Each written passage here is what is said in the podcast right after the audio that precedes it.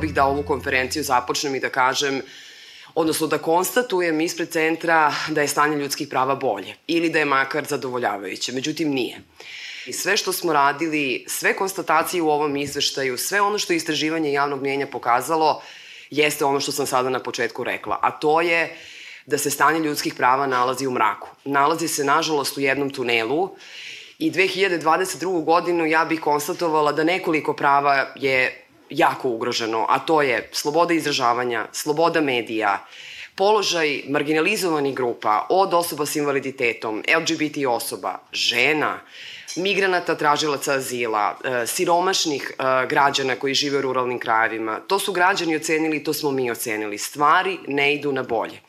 Smatram da 2022. godina zapravo predstavlja jednu političku meducu odnosno ova vlast predstavlja jednu političku hobotnicu koja je svojim pipcima se našla u svim porama ovog društva i na sve moguće načine uticala da ne dođe do unapređenja ljudskih prava, zato što se obračunavala sa svima onima koji su bili drugačijeg mišljenja. Bilo da su to politički protivnici, bilo da su to obični ljudi, od lekara, od sudija, od tužioca, od branitelja ljudskih prava, novinara. Dakle, kogod se usudio da podigne glas, da ukaže na ozbiljne probleme, bilo da je u pitanju korupcija, bilo da je u pitanju organizovani kriminal, bilo da je u pitanju kršenje ljudskih prava, našao se na meti. Vi možete danas ili sutra da se nađete. Neki od nas su se već našli.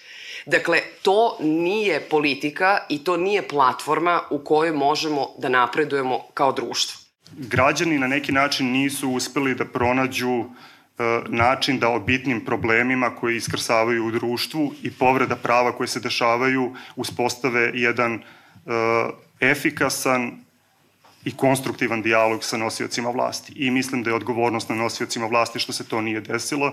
Građani su morali i ove godine da pronađu način da pokažu svoje nezadovoljstvo i da se izbore za svoja prava i to se ogleda u zaista velikom broju protesta koji karakteriši 2022. godinu.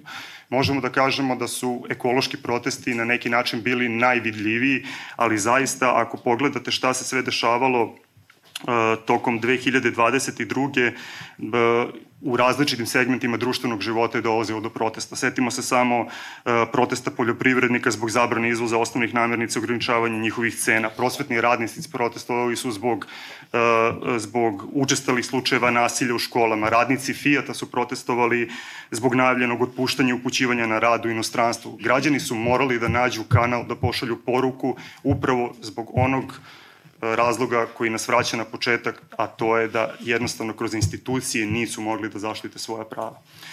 E, ono što bih takođe pomenuo, e, jeste da većina ovih protesta jeste protekla mirno, ali zaista možemo da pomenemo i neke proteste gde je došlo do primene sile, gde je došlo do prekomernog ove, do prekomerne primene sile i ono što možemo da podvedemo pod neki termin policijske brutalnosti.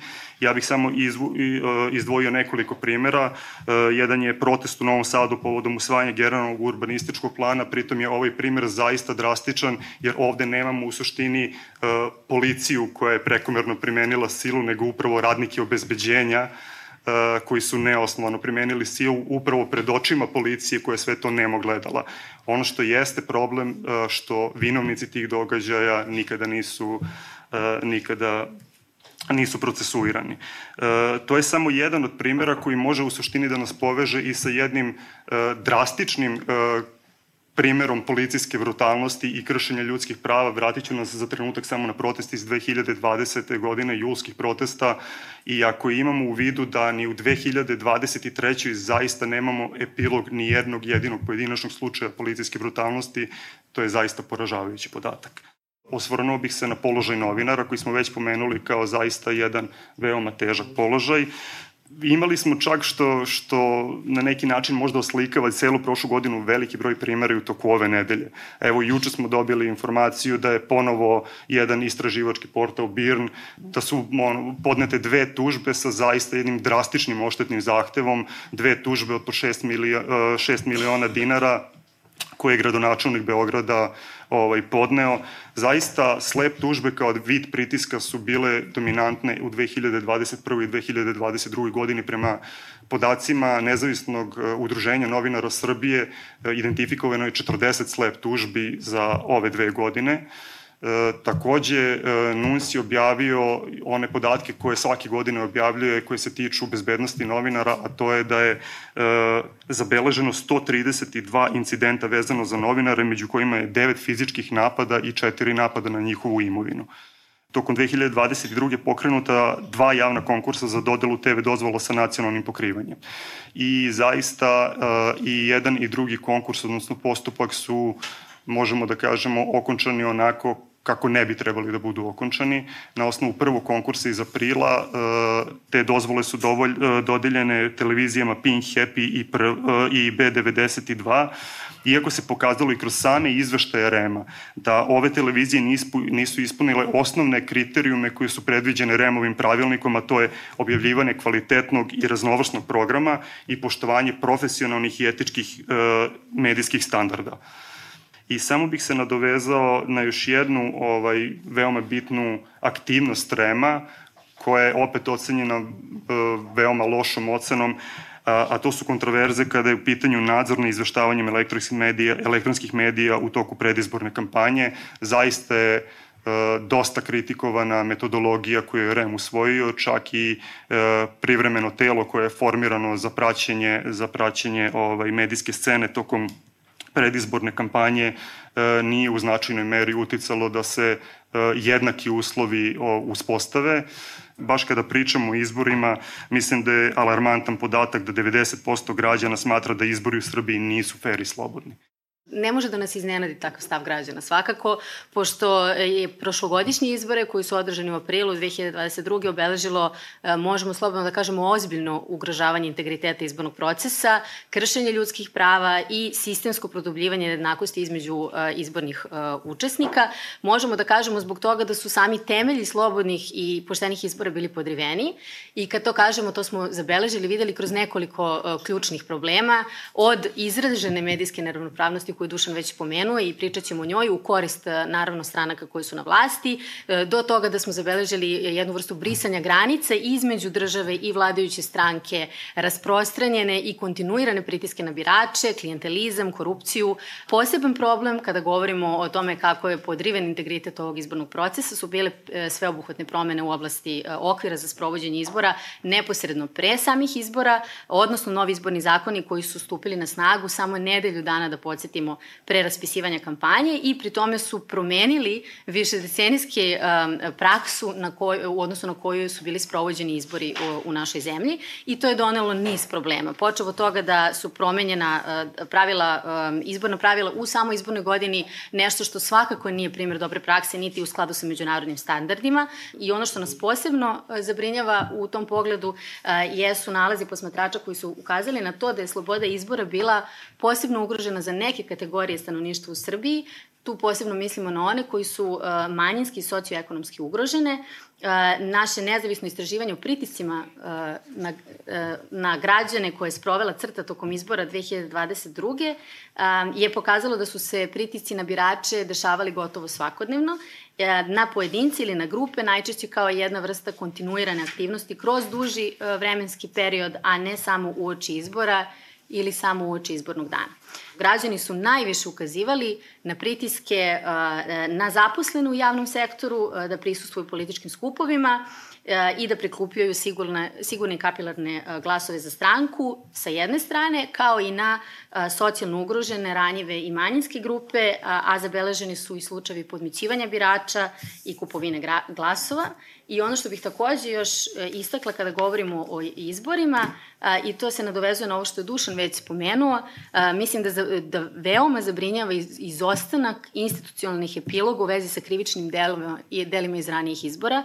Dakle, to nije slučaj samo u jednoj oblasti, to je očigledno sistemski problem I ta vrsta um, izostanka institucionalnog epiloga u stvari šalje jednu vrstu pro, uh, uh, poruke svojevrsne, da kažemo, promocije nekažnjivosti, zbog koje naravno ne može da nas čudi da se ovakva kršenja ponavljaju, kao što je, na primjer, falsifikovanje izjava za podnošenje kandidatura ili zloupotreba baza ličnih podataka građana koje vodi institucija. Postoji tendencija udaljavanja od međunarodnih standarda rada. E, mi još uvek ne, moram da kažem da se radi u Ministarstvu na garanciji za mlade, ali još uvek nam je glavni instrument veoma hvaljen moja prva plata, koji je ekstremno nelogičan, prvo zato što ti ljudi uopšte ne dobijaju platu, a zove se program Moja prva plata, drugo zato što je uspeo da dospe i do a, a, zaključnih razmatranja Komiteta za ekonomsko, socijalna i kulturna prava, da je komitet izrazio zabrinuto zbog postojanja programa koji poništava sva ona osnovna prava, radna prava koja bi mladi ljudi morali da ostvaruju u bilo kom obliku radnog angažovanja. Nemamo i dalje samo zaposlene u zakonu o radu, e, nemamo e, regulisan e, položaj prava platformskih radnika, nemamo regulisanu lažnu samozaposlenost koja je opšte prisutna ovaj, u odnosu na platformske radnike. Koliko je to stanje teško, govori i, i činjenica da a, su freelanceri protestovali, znate, i to su recimo jedan, jedna vrsta protesta bila koja je dosta a, izazvala pažnje. A, I sada je regulisan njihov poresko-pravni tretman, I oni su na prvu loptu, čini mi se, bili zadovoljni time, onda su shvatili, čekajte, pa mi smo regulisali sve ono što mi treba da damo državi, a radnopravni tretman i dalje nije regulisan. Ono što država treba nama da da za uzvrat i dalje nije, nije tu, ne postoji u a, propisima. Postoji jedna teza da ovaj, a, a, takozvani strani investitori praktično uživaju jedan oblik eksteritorijalnosti, a, faktički naravno, pošto formalno ne mogu, a, i na nekim studijama slučaja, a, neću ih uopšte opisivati, ali znate za slučaj Fijata, pomenut je već, pa slučaj a, nesrećni Ling Longa, a, a, dakle, mi smo uvideli da a, granice te eksteritorijalnosti su nekako samo u odnosu na ono što sami poslodavci sebi postave kao granicu. Država neće reagovati šta god da se desi. A, mi smo kritikovali recimo Juru prethodnih godina, ali ono što se dešavalo u Juri sad deluje, ovaj, ne mogu kažem banalno, ali deluje um, daleko blaže od onoga što smo imali u slučaju Ling Longa, a u oba slučaja imamo a, nultu reakciju države ili aktivno podržavanje poslodavca koji, koji krši zakon. Ja mislim da je izveštaj zanimljiv, istovremeno i depresivan, ali nekako ne može da bude drugačiji jer ogleda ono što mi trenutno proživljavamo, odnosno što ono što radnici u Srbiji proživljavaju u ovoj oblasti podatak koji je mene zaista zapanjio i to je ana, ono, podatak prema analizi Fiskalnog savjeta da u Srbiji minimalnu zaradu koja je oko 35.000 dinara mesečno prima čak 20% ljudi koji su zaposleni. I to je preko više od 400.000 ljudi u Srbiji e, prima tu platu. Mislim da ovaj podatak prilično dobro odražava koliko je život u Srbiji težak. Želim danas da vam predstavim i neke od postupaka za zaštitu, zaštitu diskriminacije, odnosno slučajeva gde je utvrđena diskriminacija. I ono što je svakako obeležilo uh, prošlu godinu jeste slučaj koji je bio u vrtiću, odnosno u prečkolskoj ustanovi.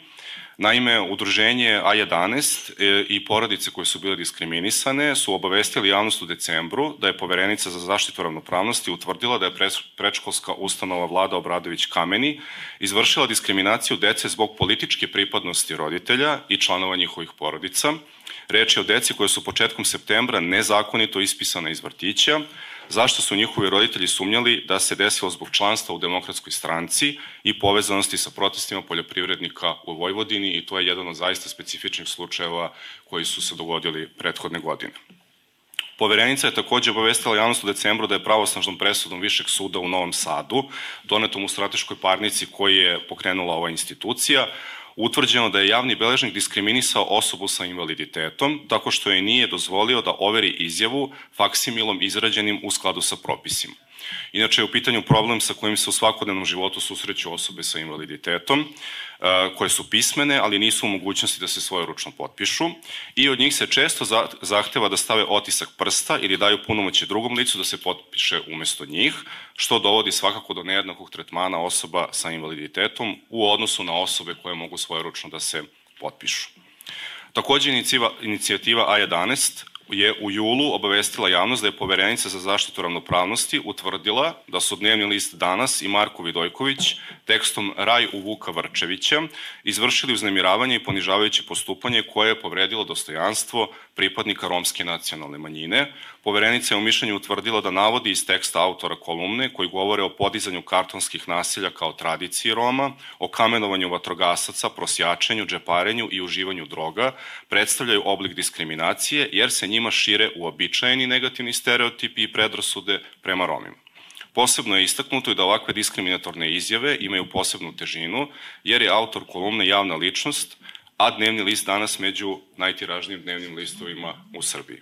Poverenica je takođe postupajući po pritožbi ovog puta Beogradskog centra za ljudska prava utvrdila da je omladinska zadruga Bulevar Oz povredila zakon o zabrani diskriminacije kada je odbila da učlani maloletnu osobu koja ima odobrenu subsidijarnu zaštitu, dakle oblik međunarodne zaštite u Srbiji.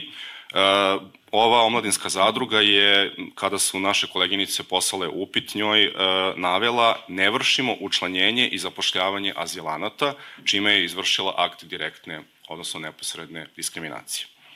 I još jedan slučaj, ovoga puta po pritužbi organizacije Praksis, Utvrđeno je da je sportsko privredno društvo radnički iz Kragujevca diskriminisalo zaposlene Romkinje na osnovu njihove nacionalne pripadnosti i to na način da su dakle otkazali njihovo radno angažovanje i e, postupali dakle na način kojim je stvoreno ponižavajuće i uvredljivo okruženje. E, ja neću navoditi sve detalje iz ovog slučaja, ali samo ću vam reći, to je jako indikativno, da su ove osobe, ove žene romske nacionalnosti dobijale posebne šolje za kafu. To je bila jedna od stvari na, koj, na koji način su se ponašali prema njima u ovoj, u ovoj instituciji. Preći ćemo sada na prava LGBTI osoba. Ono što, postoje dve stvari koje su najvažnije obeležile prošlu godinu. Svi znamo šta se događalo na tokom Europride 2022. godine. Ja ću pokušati to da sažmem, samo što ću vam reći dakle, da taj E, da e, marš, koja, odnosno povorka ponosa koja je trebala da se održi na kraju samog događaja, nije održana po planu, da je ona bila zabranjena od strane vlasti, a da je dakle održavanje samog tog marša bilo neizvesno do, do, do poslednjeg trenutka. E, dakle, on je održan, iako je bio zabranjen, tako reći, uz incidente pre, tokom i nakon samog događaja. Iako ga je veliki broj pripadnika policije štitio, prijavljeni su slučajevi nasilja nad učesnicima, među njima ima i strani državljana. E, komunikacija nadležnih je u tom slučaju bila kontradiktorna, sa najavama na visokom nivou da će biti zabranjen događaj, naknadnom zabranom trase koje je izdao MUP i tako dalje. E, policijska stanica opštine Stari grad u Beogradu je odbila zahtev organizatora Prajda, da se obezbedi zaštita učesnika. Njihove naknadne pritužbe MUP-u i Upravnom sudu su takođe odbačene, zbog, oni, zbog čega su se oni obratili i Ustavnom sudu.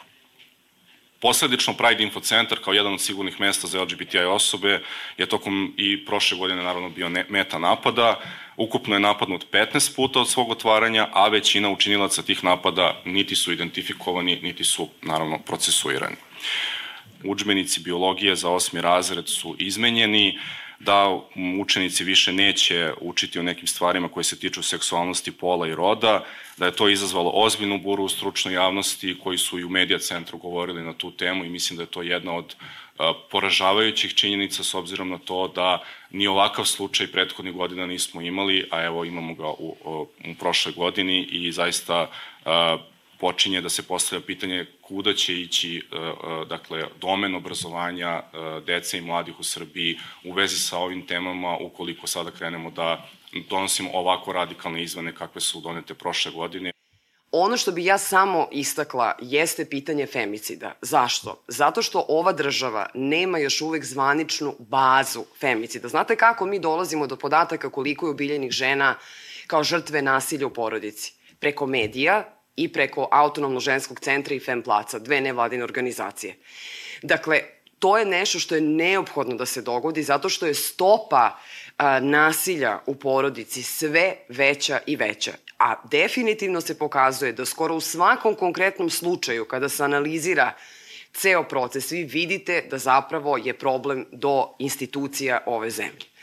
Time ću da zatvorim uh, pitanje položaja žena. Otvorit ću sada temu prava deteta. Biću opet vrlo kratka. Tu se ništa pomerilo nije 2022. godine. Dakle, tri vrlo važne stvari.